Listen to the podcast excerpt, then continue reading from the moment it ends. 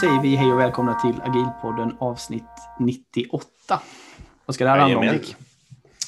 Eh, ja, vad ska det handla om? Det ska handla om eh, Product Discovery, tror jag, huvudsakligen. Vi har med mm. oss eh, superspännande gäster från eh, mediavärlden, får man väl säga.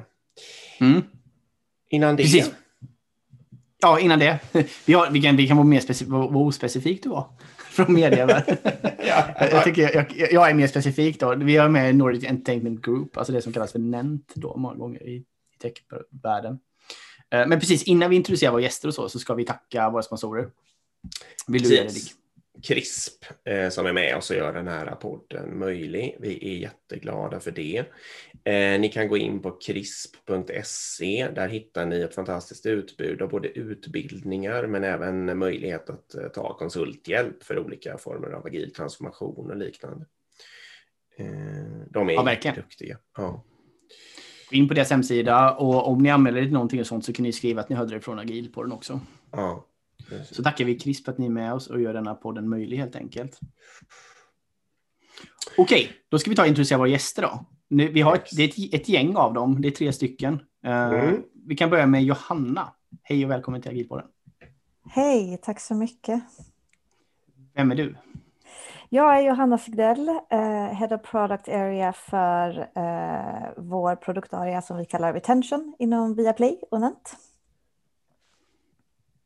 Hej, välkommen. Och sen har vi också med oss Therese Karlsson. Ja, hej. Och vem är du? Ja, vem är jag? Eh, jag är product manager på Nent via Play, eh, som kunderna kanske känner produkten. Eh, och jag arbetar i ett team inom retention produktarea som, och vårt team kallas för personalisering och relevans. Okej, och Simon, du sitter i det här teamet. Stämmer bra det, precis. Jag är, heter Simon och är utvecklare i samma team som, som Therese PMI.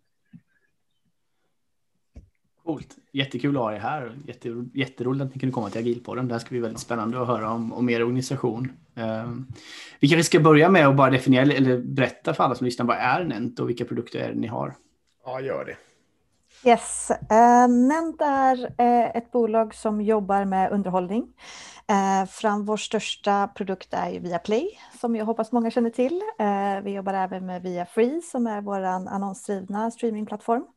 Uh, och inom Nent så jobbar vi även med fri-tv i form av TV3, TV6 och TV8 och så vidare. och radio. Men Viaplay är ju från ett produktperspektiv eh, vår absolut största produkt och den som vi eh, expanderar nu eh, i framtiden till fler marknader och så vidare. Hur många marknader finns produkten på nu? Viaplay? Nu har vi precis gått in i Baltikum, så Sverige, Norge, Danmark, eh, Finland, Island och eh, alla tre länderna i Baltikum. Eh, Estland, okay. Lettland Litauen. Yes. Hela Norden och Baltikum helt enkelt. Ja. Yes. Och vi har ju ambition att bli eh, streaming champion i hela Europa så att vi kommer gå in i ännu fler marknader framöver. Spännande. Ja, vill du säga någonting om hur ni är organiserade kanske? Mm, abs absolut. Från ett produktperspektiv så har ju vi då tre stora produktorier eh, utifrån vår customer funnel. Eh, vi jobbar ju med en eh, subscription Eh, affärsmodell, vilket innebär att vi fokuserar väldigt mycket på acquisition och onboarding av kunder i en produktarea. Eh, sen har vi våran som innebär att vi jobbar med retention och öka livslängden på våra kunder så mycket som möjligt. Och sen har vi en tredje som eh, fokuserar på våra lite mer eh, specifika segment eh, där nya marknader ingår men också eh, till exempel jobbar vi med sportupplevelsen lite mer specifikt och den är driven väldigt mycket av live-event och har en annan typ av kundmotivator än vad film och serier har till exempel. Okej, okay, ja precis, fortsätt. Sen har vi även då, eh, så inom de här eh, produktarierna så har vi ett gäng olika team eh, som alla är autonoma och crossfunktionella med PM, EM, utvecklare för alla plattformar som vi finns tillgängliga på samt designer. Och vi har även inom retention lyxen av att ha experthjälp för user research och eh, produktanalys eh, som jobbar då med, med samtliga team för att, att hjälpa dem i sitt discovery-arbete. Och sen utöver det så har vi då en dataorganisation och en eh, engineeringorganisation eh, som jobbar väldigt mycket med effektivitet och att eh, enabla produktteamen att kunna jobba mer effektivt. Mm. Och de här standardfrågorna då, vart eh, rapporterar alla, alltså designen och, och PM och så vidare? Mm. Eh, PM i respektive produktarea rapporterar till Head of Product Area. Eh, EMarna har en Head of Engineering Managers eh, och vi designers och alla i teamen rapporterar till EM. Även design, okej. Okay. Mm. Mm. Så det är bara produkt som är en egen linjeorganisation så att säga. Precis. Resten är engineering. Ja, coolt. Det låter ganska sunt mm, faktiskt. Ja. Det, precis. Det här vi pratat ju hur mycket som helst agilpodden och man kan göra på hur många sätt som helst. Men ni har ju verkligen valt detta de vanliga och eh, som brukar funka. Ja, Ja, nej, men det har ju, är ju någonting också som inte har varit exakt samma sedan vi började, liksom, initierade den här organisationen, utan vi har ju optimerat lite det över tid också. Uh, så här behöver man nog liksom se vad som funkar bäst för sin organisation helt enkelt. Ja. Simon? Jag säga att det är relativt nytt för oss, vi har bara jobbat så här i ungefär ett och ett halvt år. Uh, så att mm. vi, vi lär oss varje dag och uh, ja, det är väldigt nytt för oss helt enkelt fortfarande. Mm. Jag förstår, hur var det innan då? Var det mer funktionsorganisation då? Att alla designers rapporterade till en chef och så vidare? Eller? Ja, precis. Då var det mer baserat på att man, vilken plattform man jobbade i. Så fanns det ett iOS-team mm. och det fanns ett webbteam och ett par backend-teams. Mm. Ja, spännande. Och uh, om, om, vi bara går in på det lite snabbt. Hur funkar det bättre nu? Liksom? Har ni hunnit vänja er nu så att det här, att ni har snabbare fart eller mer nöjda medarbetare eller jobbar ni fortfarande? Ja, hur funkar det? Ja, först och främst måste jag säga att jag har ju varit på Nent i ett och ett halvt år, så jag, hade ju, jag kom ju precis in när, mitt i transformationen kan man väl säga, eh, och har inte samma erfarenhet som Simon har. Så han kan säkert berätta lite om liksom, hur det var att gå igenom eh, den förändringen och hela self-selection-processen för att hitta nya team och så vidare. Eh, men om man tittar från ett eh, generellt liksom, nöjdhet och sådana saker som du pratade om inom organisationen så har vi ju så har vi sett att den har ökat sen eh, ganska kraftigt sen vi eh, omorganiserade oss eh, till den här strukturen, eh, vilket vi är superglada för. Eh, men precis som Simon säger så finns det fortfarande vi, gör optimer vi optimerar liksom hel, längs vägen och vi ser att det finns, det har funnits mycket utmaningar eh, också. Eh, så att eh, det här är verkligen en lärande process. Mm. En, en sista fråga på, på organisationsdesign då. Hur gör ni med kompetensöverföringen typ inom en kompetens? Om man tar till exempel iOS-utveckling eller backend-utveckling. Har ni något eh, forum där alla de kan träffas och mysa tillsammans och lära sig saker av varandra och så vidare? För innan gjorde de ju det i sin linjeorganisation, men nu kan de inte göra det längre. Ja, det, det har vi och det, jag tänker Simon kan säkert berätta som är en del Absolut. av en sådan. Eh, nej, idag så har ju varje något som vi kallar gilder, då, man har en iOS-gild där vi träffas och, och eh, pratar mm. om, om liksom, det blir väldigt mycket, idag blir mycket prat om kodbasen i sig, för att vi har än så länge, det beror på vilken, vilken typ av plattform det är också såklart, men, men, men vi pratar väldigt mycket plattform och kodbasen som vi jobbar i, våra gildmöten, men även liksom mer brett om, om vad som har hänt i, inom plattformsvärlden då för iOS till exempel, när Apple släpper en ny version av något häftigt. Eh, sådär. Jag skulle säga för jag tror en av de vanligaste rädslorna med att gå från en linjeorganisation där man är kompetensbaserad är just det. Men vänta nu, hur ska vi se till att alla backendutvecklare pratar med varandra och att de eh, byter erfarenheter med varandra och så vidare.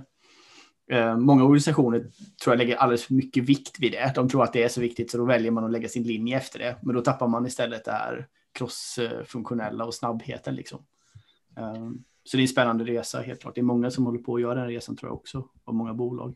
Precis. Men det, det som blir lite jobbigt för oss där, eller det som är ett, en utmaning där vi har är väl om man har en sån sak som code reviews till exempel, då, att man har om man helt plötsligt ett beroende mellan teamen där eftersom man vill att en iOS, iOS-utvecklare uh, ska gärna ja. granska min kod till exempel, och så då har man ett beroende till en annan team eller, eller beroende till gilden så att säga. Då. Ja. Så det är väl en, en, en utmaning som finns där.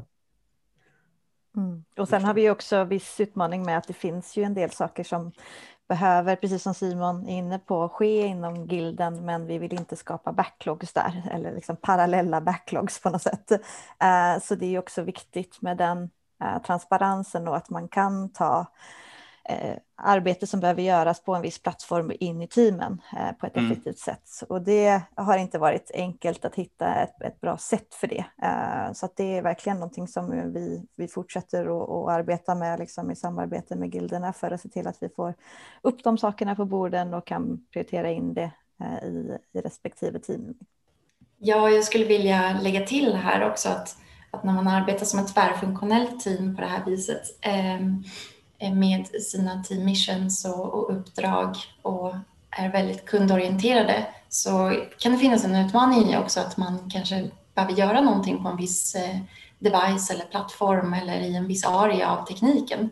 Eh, och det är jätteviktigt att också ta fram värdet av det här underhållsarbetet som kanske behöver göras eller uppgraderingen och prioritera även det i sitt team mm. så att man också får en mer balanserad backlog.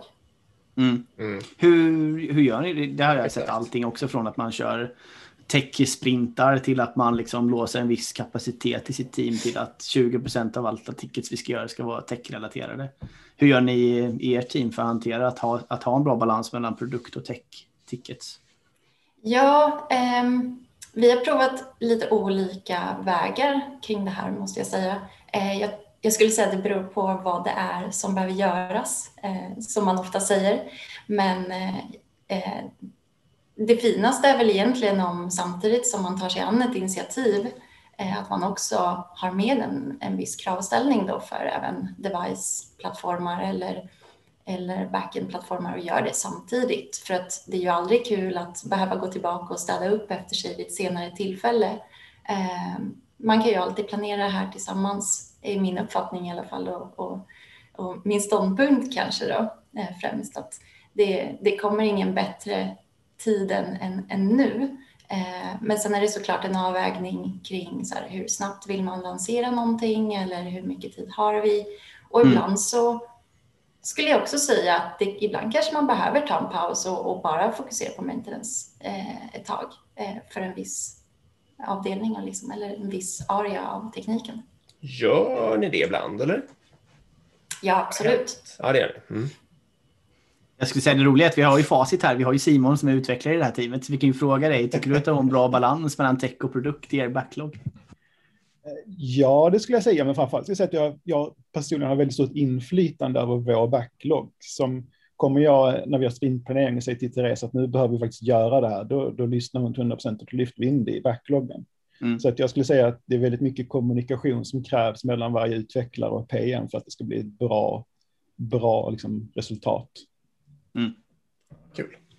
Och sen skulle jag vilja lägga till det också att eh, när, precis som Therese var inne på så har vi många gånger faktiskt lyckats hitta de där, mycket när vi gör research med kunder och även när vi tittar på data och sånt, så många gånger kan vi hitta liksom eh, win-win situationer där vi kan mm. städa upp eh, under tiden och det är ju inte så, eh, det är ju när det blir customer facing som det blir ännu mer urgent och vi kan ta två liksom flugor i en smäll och verkligen eh, jobba med de funktioner som vi har som vi vet är core för våra kunder. Um, det, det, är Absolut. ju någonting som vi tycker är superviktigt. Jag förstår det. Och det, det är väldigt, jag, jag jobbade med ett team eh, där vi hade den här problemet. Och det vi gjorde då var att vi skapade två interna backlogs, en liksom tech-backlog och en produkt-backlog, för vi ville bara liksom strukturera upp det och prioritera det. Men då blir det ju genast sen när man får nästa ticket så bara, vänta nu, är det här tech eller är det produkt? Ja. Och så blir det liksom den här eviga diskussionen att om det är klart, om vi fixar prestandan så vi får snabbare svarstider techmässigt då, så förbättrar det i produkten. Okej, okay, så det måste ligga i båda, ja, så hamnar man hela tiden i den fram och tillbaka. Förhoppningsvis så har de effekt på båda liksom. Det borde ju vara så i alla fall långsiktigt. Ja, jag tycker det är väldigt intressant att du nämner just det. Eh, för det är väldigt få eh, tekniska uppgraderingar som inte har ett kundvärde dessutom. Eh, när du pratar till exempel laddtid så innebär det att någonting sker ju snabbare för kunden eller användaren. Ehm, och, och, och det är ju ett värde också. Ehm, även när du tittar på så tekniska uppgraderingar som man kanske bara måste göra, eh, som kanske historiskt eller mer traditionellt bara varit liksom en del av den där eh, maintenance-backloggen, eh, då det är väldigt vanligt att man förbiser att, att det faktiskt har ett kundvärde i slutet av dagen också. Och, ett, och, och, har det inte ett kundvärde så har det åtminstone ett affärsvärde i att underhålla sin plattform. För att det är inte kul att gå tillbaka och säga att nu måste vi stänga ner ett år för att göra den här tekniska stora uppgraderingen. Gör man lite i taget så, så eh, tar sig även tekniken framåt och plattformen. Mm. En fråga till dig. Hur jobbar, ni, hur jobbar ni med innovation? Har ni liksom dedikerade typ hackdays eller hackweeks eller något sånt där?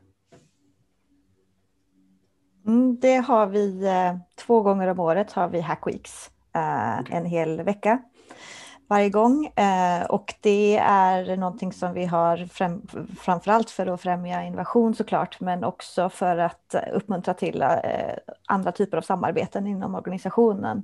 Eh, där vi också bjuder in andra funktioner i form av contentorganisation och marknad och så vidare för att skapa nya sätt att se på saker och, och främja innovation på det sättet. Men sen så med det sagt så, så försöker vi också skapa innovation i vårt liksom, dagliga liv så att man inte sparar det in till någon hackweek. Det här kan vi inte göra för vi måste göra det på hackweek. Eh, mm.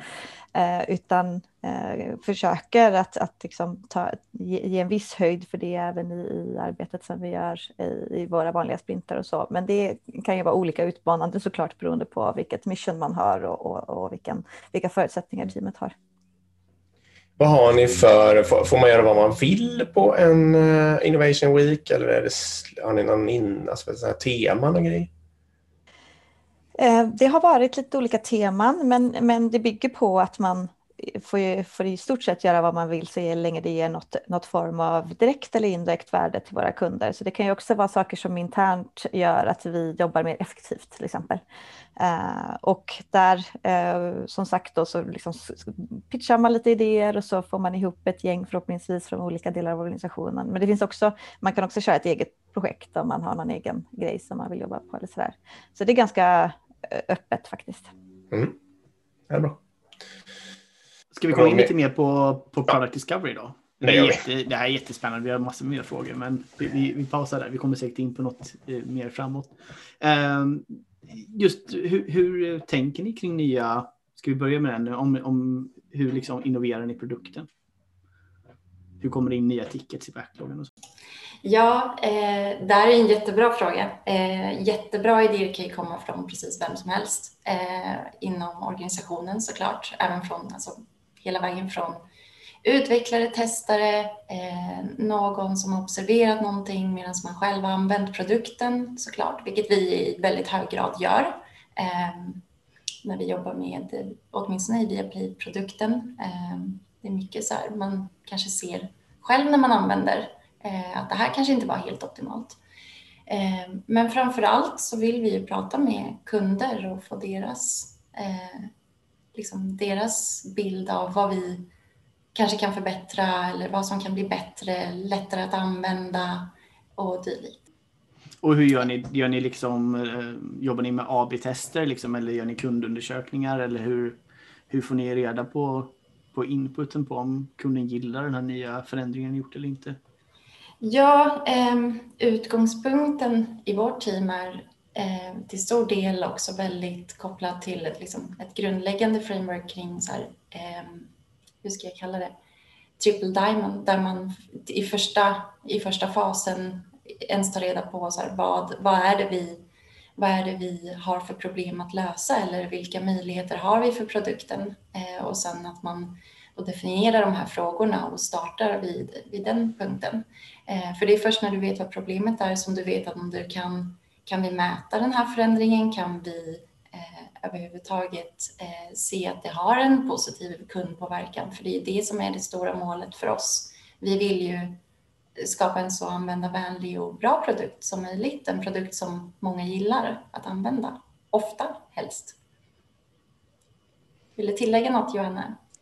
Ja, nej, du beskriver det jättebra. Jag, jag tänker en sak som vi, vi jobbar ju ganska brett med olika typer också av eh, kundinsikter och det är liksom allt ifrån intervjuer till liksom olika typer av research. Men där tycker jag också att det är väldigt viktigt att vara, eh, vara lite flexibel och hitta olika lösningar. Det behöver inte vara en kundintervju utan det kan vara väldigt mycket hitta i datat, hitta i, och ha, vi har många olika surveys som vi har liksom uppföljningar månadsvis och, och liksom kvartalsvis och så vidare för att hålla koll på hur, eh, hur våra kunder upplever vår produkt. Så vi försöker via Polsfo-sajten och olika typer av datapunkter och customer service och så också att man kan använda många datapunkter och börja lägga sitt pussel där för att sedan fördjupa fördjupa sig i och förstå problemen lite mer i detalj.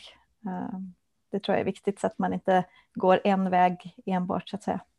Jag skulle också säga att man experimenterar ganska mycket. Vi, när, när, när, teamet var nytt så hade vi till exempel en design sprint där vi i tre veckor bara satt och verkligen luskade på vad vi skulle göra för någonting. Och då gjorde vi, alla teamet var med, jag använde intervjuer och vi, vi skickade ut surveys och sen så ja, gjorde vi lite ideation på allt det där och kom fram till en backlog som vi då hade i alla fall. Eh, nu kanske inte vi skulle gjort det idag, för det passade ganska bra när teamet var nyskapat och just verkligen komma igång och se vad ska vi egentligen göra i vårt team.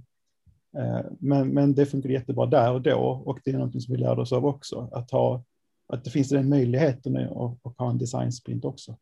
Får ni testa så här på en, eh, på en halvstor användarmassa? Alltså om ni har galna idéer och sånt där eller ogalna idéer. Är det bara att skriva och implementera då eller är det några höga godkännande processer och grejer? För det?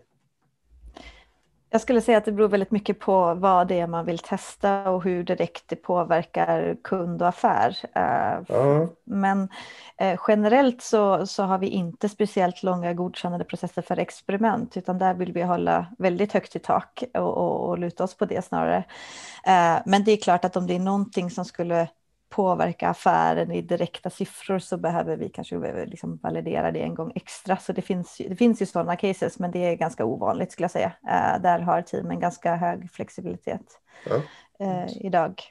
Men jag tycker också det är viktigt att tillägga att så här, för att teamen ska kunna göra det här på ett bra sätt så är det också viktigt att de har sitt mission tydligt och vet vilka, vilka liksom metrics och vilka mål man, man jobbar mot så att det inte det, kan lätt bli för brett och svårt att liksom hantera. För jag menar, i, i, vårt fall så har vi kunder som ofta är hela familjer som använder väldigt många plattformar och eh, det finns extrem komplexitet i produkt och hur mycket content påverkar och så vidare. Så att här är det också viktigt med, med avgränsning skulle jag säga. Eh, och att man, att man kan skapa en tydlig, tydlighet kring vad man försöker uppnå och hur det påverkar hela affären och kunden i slutändan. Och hur jobbar ni med team missions och sånt där? Det är jätte, jätteintressant. Therese, kan inte du berätta hur ni gör? Ja, eh, definitivt. Som eh, Simon var inne på också, när, när vårt team var väldigt nytt så fanns det också ett behov till viss del att, att skapa en, liksom, en grundläggande förståelse och en identitet, liksom ett kall för oss som grupp kring vilken problemställning arbetar vi med och, och vad kan vi bidra med inom, inom vårt team för att förbättra kundupplevelsen. Eh, så jag skulle säga att när man arbetar lite mer med mission så är det kanske den grundläggande förståelsen av vilken effekt du vill göra som, som är det allra viktigaste. Eh, för då kan du ställa den frågan om och om igen. Men förbättrar vi verkligen, så här, med den här idén, förbättrar vi verkligen kundupplevelsen i den önskvärda riktningen? Eh, och sen är det ju också viktigt att, att man kanske inte bara jobbar med en och samma fråga hela tiden, utan att man försöker hitta nya perspektiv eh, på eh, kundens problem eller på, på de eh, eh möjligheter som faktiskt finns. För världen förändras ju också hela tiden Eh, så någonting som man kan ha i åtanke också är att olika metoder av till exempel user research och validering av, av effekter kan ju vara olika eh, användbara i olika tillfällen. Och där kan ju experterna hjälpa till. Eh. Mm. Hur, hur löser ni det här? För det finns ju det här klassiska, eh, jag tror det är Henry Ford-citatet, liksom. att om vi hade frågat kunderna vad de vill ha så vill de ha en snabbare häst, inte en bil. Liksom. Så risken som jag ser med att om man jobbar väldigt kundfokuserat är att man liksom man små innoverar hela tiden, men man bryter aldrig ny innovation. Hur gör ni för att kasta ur från, från den fällan? Jag skulle säga att vi har ju liksom som Therese var inne på att vi använder produkten väldigt mycket själv. Så att om vi, vi har ett, en, en önskemål från en kund så tror jag att vi, tror, ofta i alla fall, förstår kanske med bakgrund varför man känner som så. Då kanske man har möjlighet att se lite längre än vad man, om man bara hade tolkat kunden, exakt vad kunden sa. Eh, tror jag, det tror jag är en väldigt stor fördel för oss, att just att, att vi, vi känner vår produkt väldigt väl och vi använder den väldigt ofta. Och här kommer ju också styrkan in med att inte enbart fråga ett, en liksom, liten mängd användare vad vill ni ha utan faktiskt i det, iaktta beteenden och liksom jobba kring problemformuleringen snarare än, än specifika lösningar. Att verkligen försöka kliva tillbaka och se vad, vad är det som är problemet eh, och vad är det kunden försöker uppnå snarare än, än specifika förslag. Eh, så det är ju någonting som man, vi behöver utmana oss i liksom både eh, hela tiden egentligen eh, och använda eh, beteendedatat också för att komplicera bilden och, och eh, testa andra typer av lösningar och så för att verkligen lära oss av den processen på vägen. Alltså, jag, det är lätt att se hur ni, att ni använder beteendedata. Har ni också så här att de här, era designers tar, tar sig de ut och sätter sig bredvid liksom, hälsar på hos en familj och kollar vad folk gör och sånt där? Har ni, är ni så drastiska? Är det någon som vågar ta den? ja, vi, vi knackar inte på hos folk hur som helst. Kan jag säga. Nej, men äh, skämt åsido, vi, så här, det här är det också lite olika, ska man väl börja med att säga, det gäller ju alla crafts in, inom teamen, att, att uh, designersen har ju ganska olika uh, expertis också och där mm. ser vi ju att våran user researcher som vi har inom retention som supporterar alla team kan guidar väldigt mycket och gör väldigt mycket av, av det är ju eh, en, en kompetens som, eh, är, som jag tycker är väldigt viktig att ha så att man eh, gör research på rätt sätt eh, och så vidare så att man verkligen får de insikter man behöver. Så det använder vi oss mycket av. Och sen så, jag skulle nog, vi, gör ju mycket användartester och nu har det varit väldigt digitalt av förklarliga skäl under mm. lång tid. Eh, men vi har gjort både eh, remote i, i personers hem, vi har även använt en del externa liksom, bolag för att kunna komma åt marknader där vi kanske inte har samma eh, möjlighet att nå användare och så vidare. Så att, Eh, jag skulle säga att det är allt ifrån eh, surveys och polls och, och intervjuer och usability-tester och att träffas in, in person och så också. Det beror väldigt mycket på vilken fas vi är i eh, och, och i discovery-arbetet. Men absolut, vi, vi, skulle, vi, vi gillar absolut att träffa våra användare. Ja, ni är välkomna hem till min soffa, det är inga problem. Härligt, härligt. um, vad var det jag tänkte på nu? Jag tänkte, jo, jag tänkte på hur bra instrumentering har ni? Alltså hur, hur väl ser ni vad användarna faktiskt gör och tittar på och så vidare? Hur de rör sig i appen och så vidare. Kan ni, har ni sån data så ni kan ta beslut att ni lanserar någonting och sen ser ni att det uppnådde det ni trodde eller hur funkar det? Och nu menar du så här, ser ni scrollningshastigheten liksom? Ja, och hur folk klickar och om folk streamar det som ni hade tänkt, placerat ja. placering och, och så vidare och så vidare. Eller, eller hur granulärt det är. Liksom. Ja, men det, det gör vi. Vi har, och vi jobbar ju självklart med liksom, genom processen att öka liksom, den tracking vi har för att kunna eh, se det här beteendet. Men jag skulle också säga det, genom, genom alla, alla bolag jag har varit på så är alltid data, man vill alltid ha mer.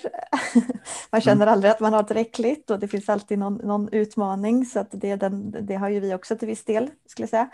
Eh, men, men absolut, det är en jätteviktig del i att förstå hur kunder använder vår produkt. Har ni eh, något exempel på någon produktförändring som ni har lanserat som ni ångrar eller som ni tycker blev dålig eller fel? Ingen som vågar svara på den frågan. Therese? Therese fråga. Ja, nej, jag ska nog kanske börja med att säga att jag kanske inte har någonting som vi direkt ångrar sådär. Däremot så tror jag att ju, alltså, ur discovery-perspektiv skulle jag säga att man önskar ju alltid att man hade vetat mer innan man satte igång. Eh, för att man startar ju ofta med med att försöka lösa ett problem eller, eller möta ett behov till viss del. Eh, och med discovery eh, och utvecklingstakt och eh, tillgång till tekniska lösningar så tycker man ju alltid att man kan göra ännu bättre. Eh, och jag tror det är kanske lite där iterativa processen kommer in, att, att så här, det är inte så definitivt. Det är inte farligt att försöka. Ehm, så länge du vet vilken risk du tar, eh, om en ändring är väldigt stor är det såklart en stor risk att, att lansera det till alla kunder på en gång. Men där har vi metoder för att, att eh, också kunna här, börja lite mindre och, och sen bygga över tid för att mäta hela vägen eh, under utvecklingstiden. Eh, jag skulle säga att det är väldigt ovanligt att man, eh, i alla fall hos oss, går in i en låda och bygger någonting som sagt då, i kanske ett år och sen kommer ut på andra sidan och, och, och inser att oj, det här vart ju jättefel. Eh, utan vi har nog snarare ambitionen att se det som att det här är början på någonting eh, och sen får vi lära oss av det. Eh. Jag säga att det luriga där är också att prioritera upp det iterativa och inte hoppa på nästa häftiga feature Eh, nästa sprint. Eh, och där tror jag vi har lite att lära oss i vårt team att man det är mycket roligare att se på en ny feature istället för att iterera och förbättra det som man redan har gjort. Och det, det, det är lite svårt faktiskt. Mm. Precis, det finns ju generellt finns det ju en, en jättesjukdom i att optimera på antal features. Liksom. Den som levererar mest vinner. Eh, jag vet att du och jag Dick brukar skämtsamt säga att många organisationer skulle må otroligt bra av att inte leverera någon ny feature på ett år, bara låta produkten vara lite liksom.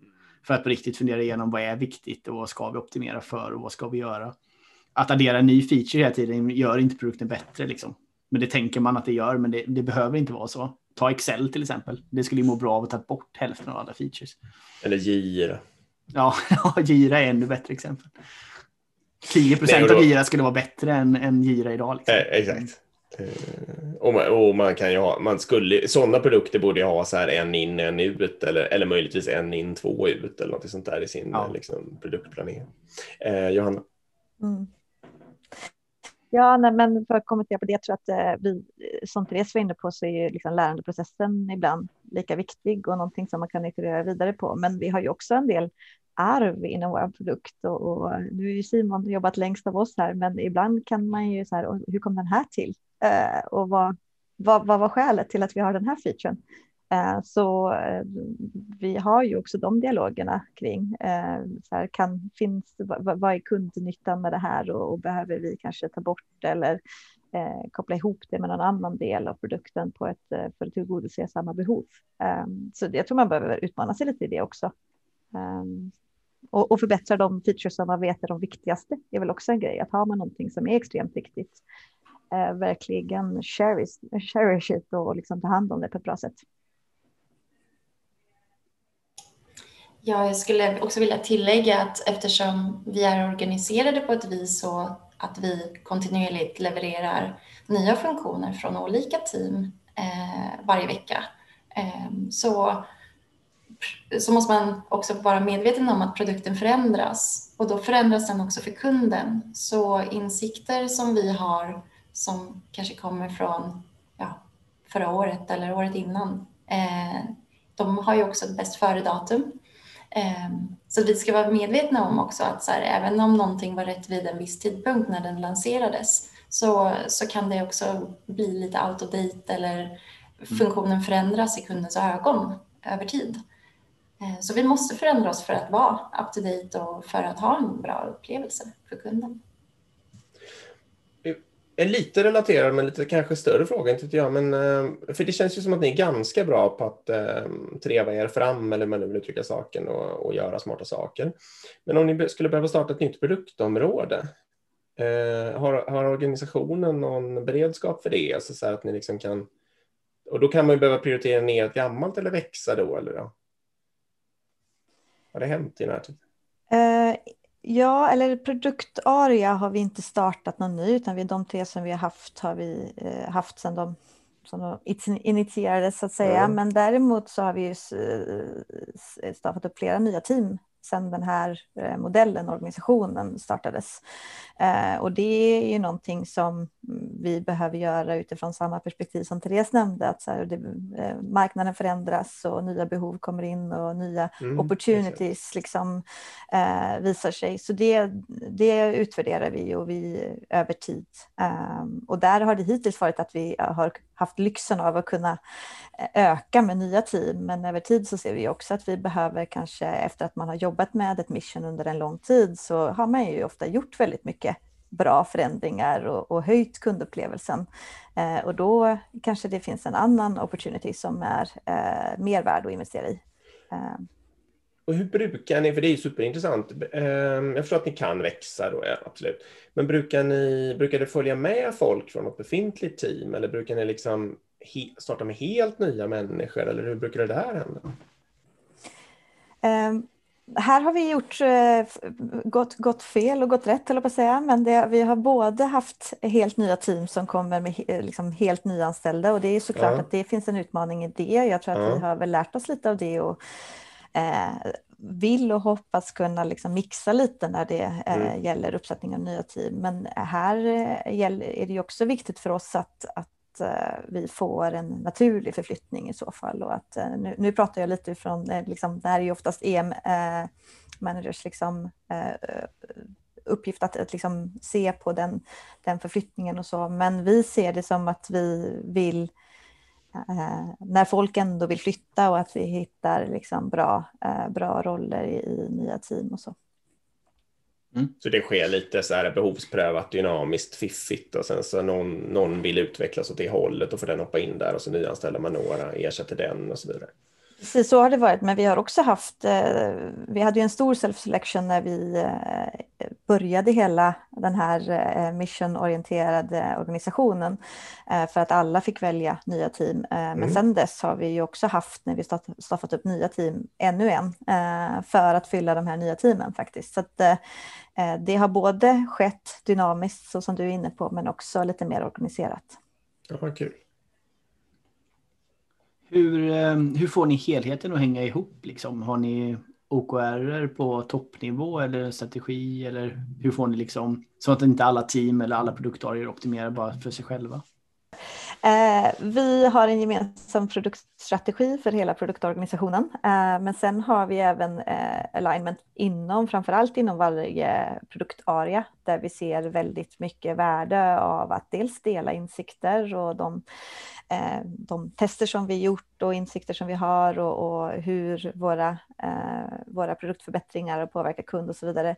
Men också så att vi ser till att inom retention till exempel så det blir det ganska lätt att vi är inne lite och överlappar eh, inom produkten. Eh, att det inte är så här bulletproof eh, mellan respektive mission och då är det klart att det är väldigt viktigt med det samarbetet, eh, framförallt på en PM-nivå men även mellan teamen och att man kan dela eh, dela sina roadmaps och planer och initiativ framåt och så.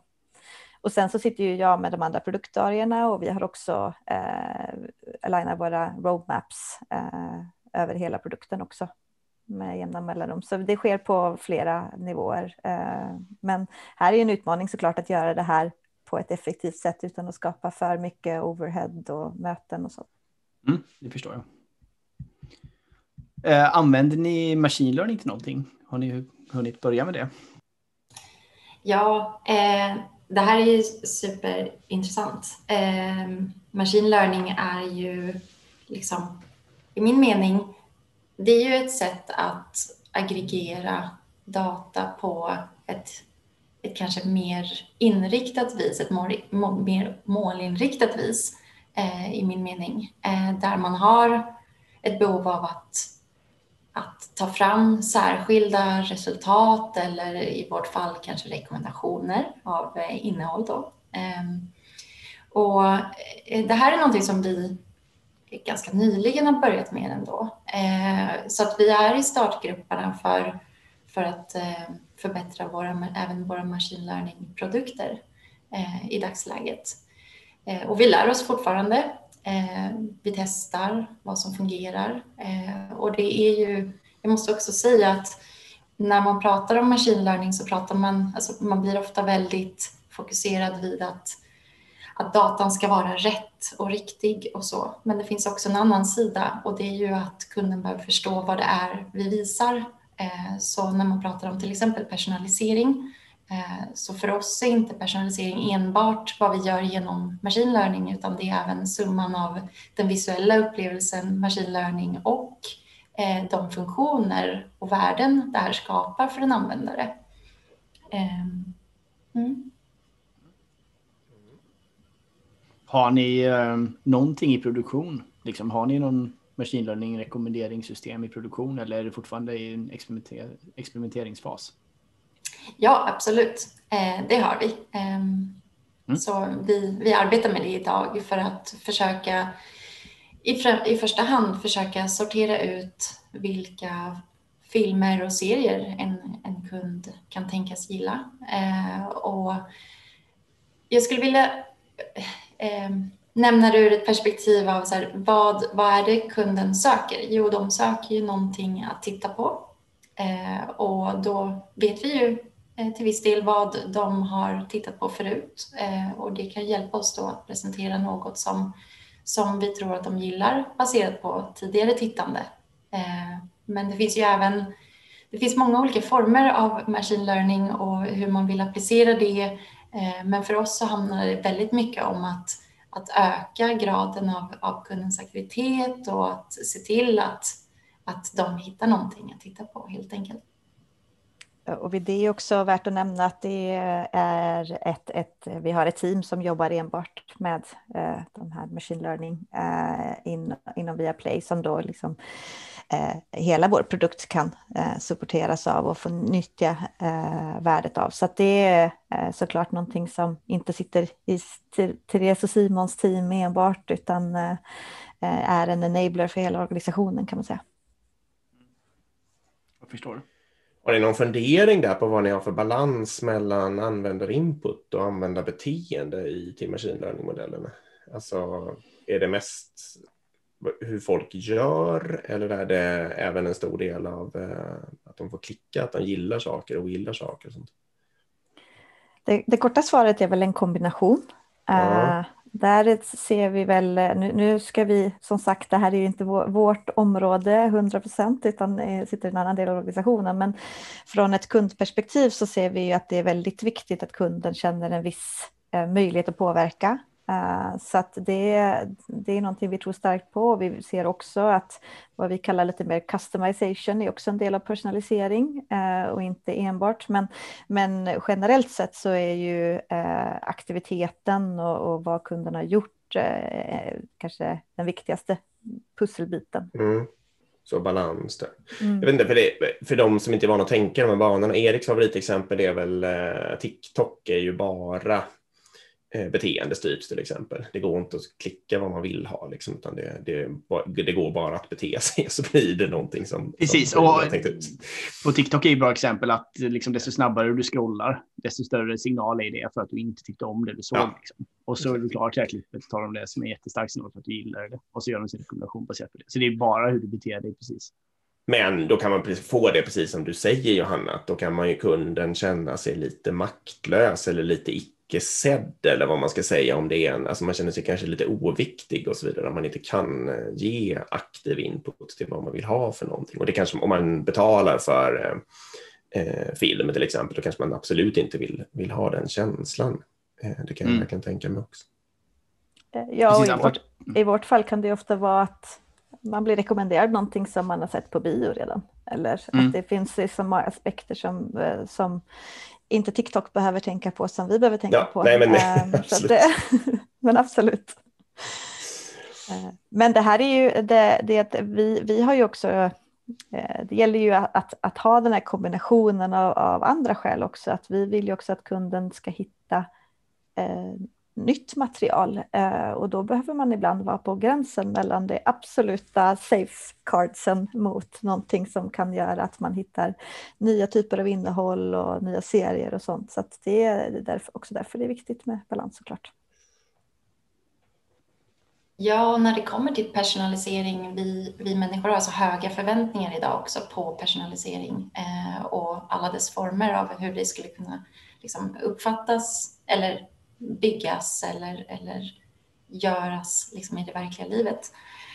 Um, jag skulle säga att så här, vi, vi primas också till en väldigt stor del av vad andra bolag gör och, och, hur till exempel superstora bolag som Google eller Facebook använder personalisering där, där den personliga upplevelsen blir eh, superrelevant. Eh, och där behöver vi också eh, vi behöver lyssna på våra egna kunder och ställa, ställa frågor till dem vad de känner att de saknar i vår produkt eh, och försöka göra det bästa utifrån våra förutsättningar.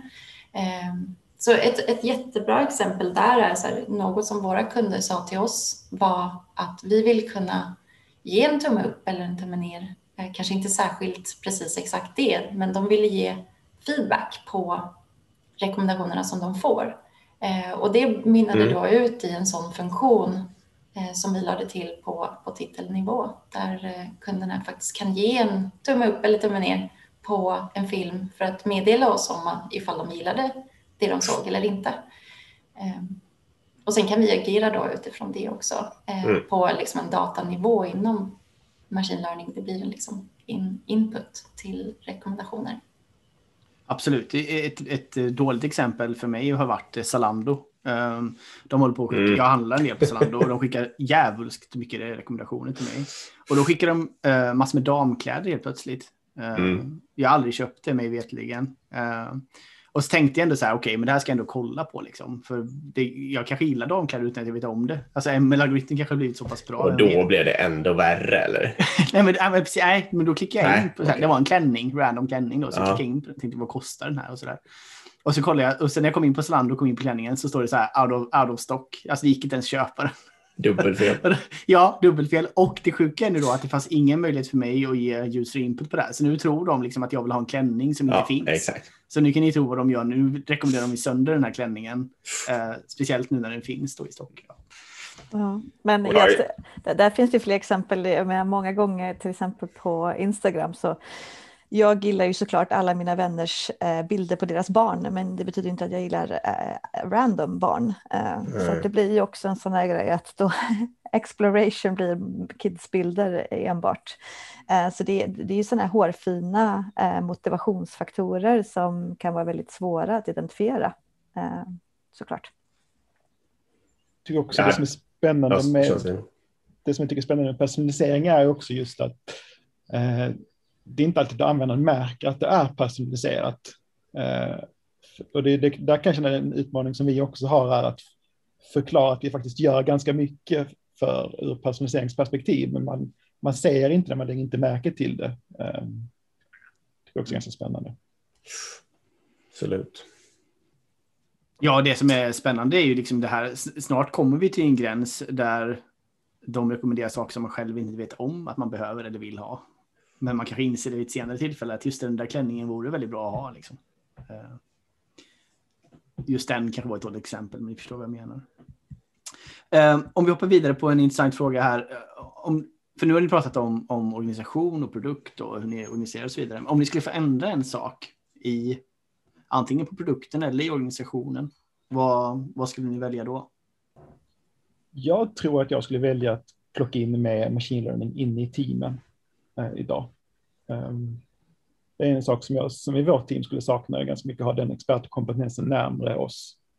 För nu, som det är idag, så, som, som Johanna sa, tror jag, att vi delar den med resten av organisationen, det teamet. Har vi haft den mer närmare så hade vi kunnat iterera snabbare på våra idéer som, som vi har i vårt team. Så det, det, det tror jag är en grej som, som man skulle vilja förbättra.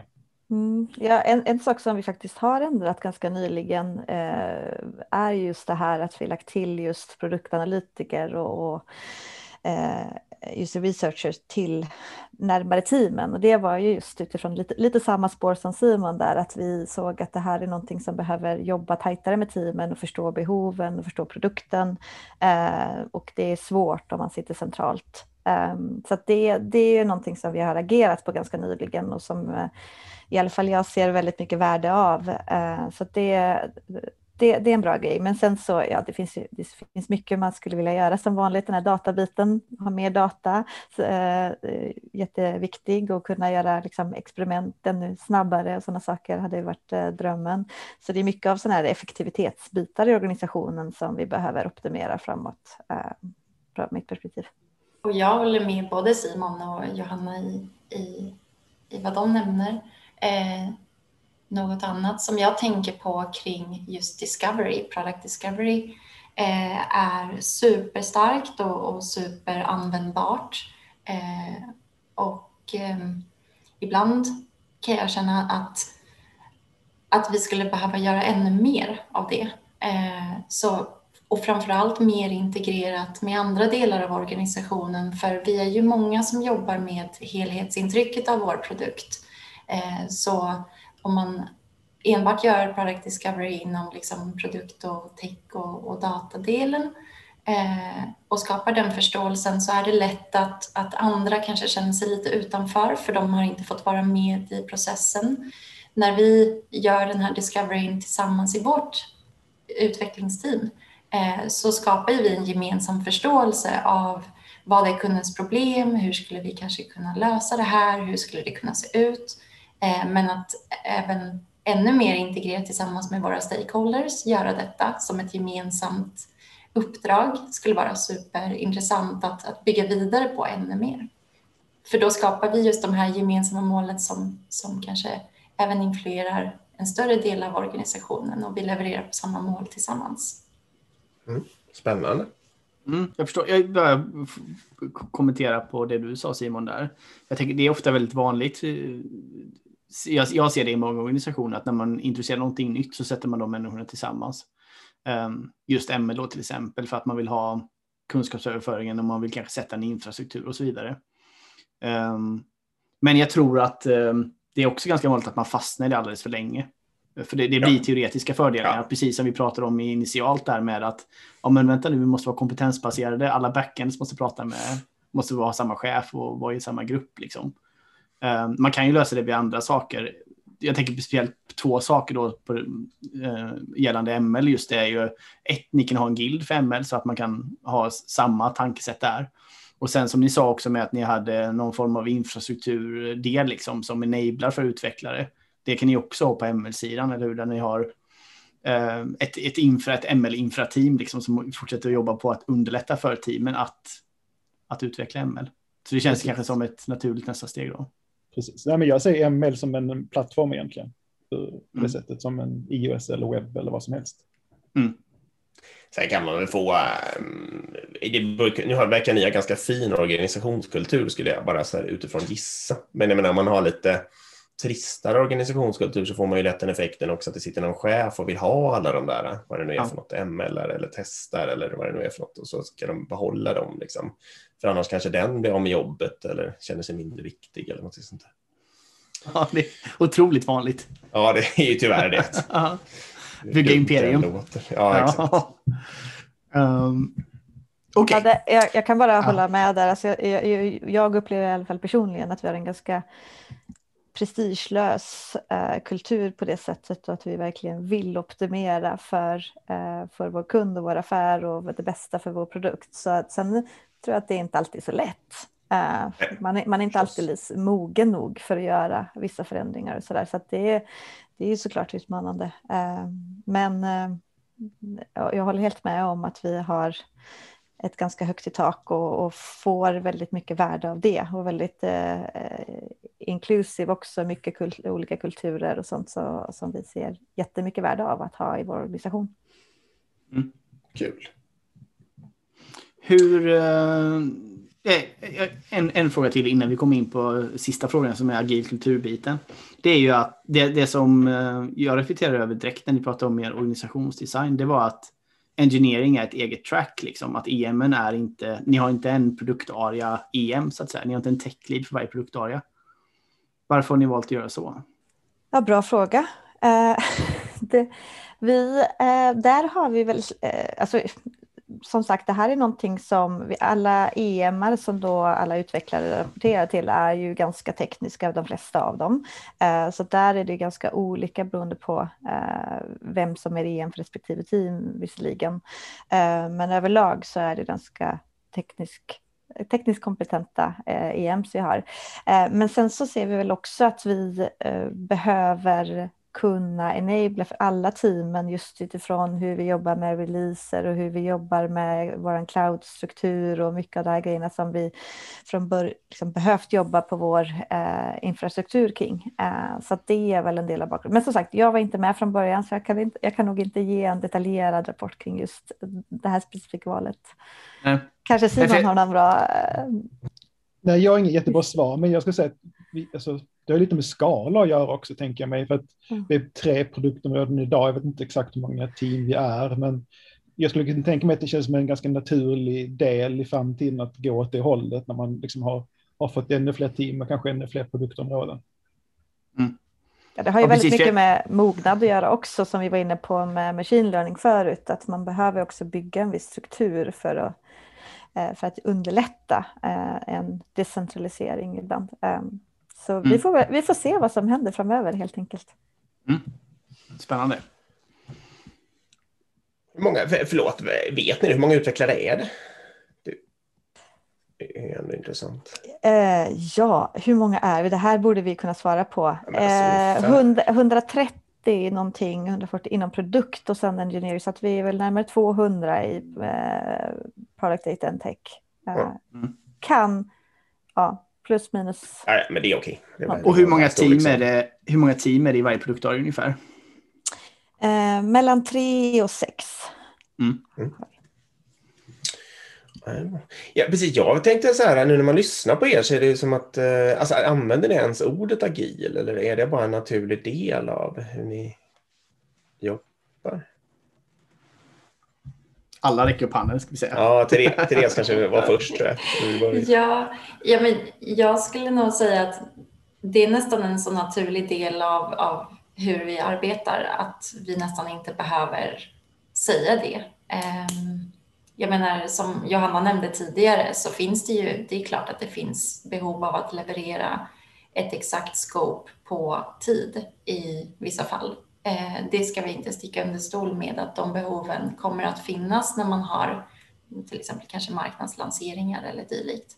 Men inom varje team så har vi en väldigt hög grad av autonomitet och vi värnar väldigt högt om den eh, och särskilt i form av när, när man är ett tvärfunktionellt team som har hand om många deviceplattformar som, och även backend så behöver man kunna ha den flexibiliteten att, att man är agil. För att allting kan inte ske på exakt samma dag och tid hela tiden, för då blir det kanske ganska stolpigt när man försöker iterera och så.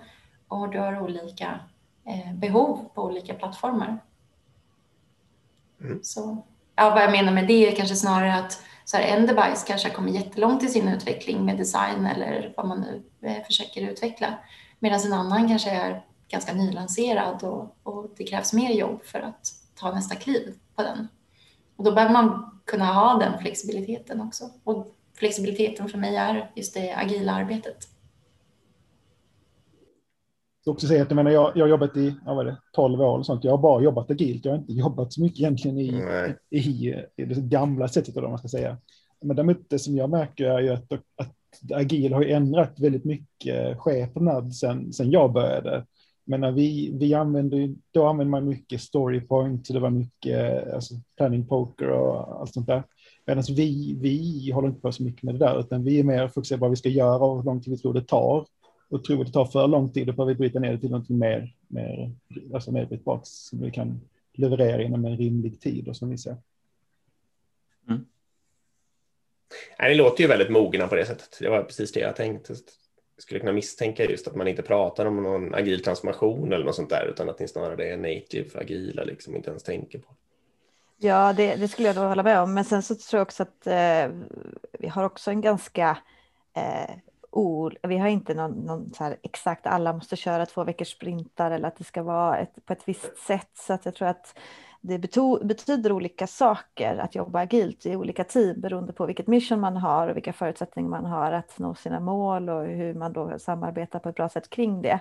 Eh, och precis som Therese är inne på så är det klart att liksom jobbar man med en ny marknadslansering så, så krävs det en helt annan grad av både tids, eh, tidsaspekten och få ihop helheten och koordinering och så vidare. Så då behöver vi ju göra det på ett helt annat sätt. Mot, eh, inom retention jobbar vi ju väldigt mycket med mer med optimering och, och har då kanske lyxen av att, att liksom, mm. eh, jobba på ett annat sätt. Eh, men även för oss så finns det ju det, det kommer ju saker som är liksom rena delivery bets eller saker som behöver göras. Så det tror jag det gör i alla organisationer där man har en, en produkt i produktion med allt vad det innebär. Så att, eh, mm. Jag tror jag, precis, man ska, jag har också jobbat med marknadsutrullningen nämligen, så man, man, jag tänker man ska skilja på agila metoder och agil kultur. Liksom. För just agila metoder som utvecklingsteam använder är väldigt, väldigt bra när man har hög varians och det är väldigt svårt att estimera om man har hög komplexitet. Eh, nu vet jag, marknadsutrullning är verkligen inte enkelt, men det är ganska förutsägbart. Du vet att en två veckors utbildning tar två veckor eh, och så vidare. Eh, så just på marknadsutrullningen tycker jag det, det är ganska lätt. Säger man så här att ja, men här har vi en projektplan, vi tror att det kommer ta åtta veckor. Det här, här stegen har vi gjort tio gånger innan på tio andra marknader. Då kommer det ungefär ta samma sak för, för nästa marknad. Eh, man kan fortfarande dock ha liksom, eh, en agil kultur kopplat på det. Att man har korta feedbackloopar och man itererar snabbt och man experimenterar och så vidare. Absolut, um, absolut. Håller med. Ja, jag tycker när det kommer till skillnaden mellan agil kultur och agila processer. Jag tycker det är ett väldigt intressant ämne eh, personligen.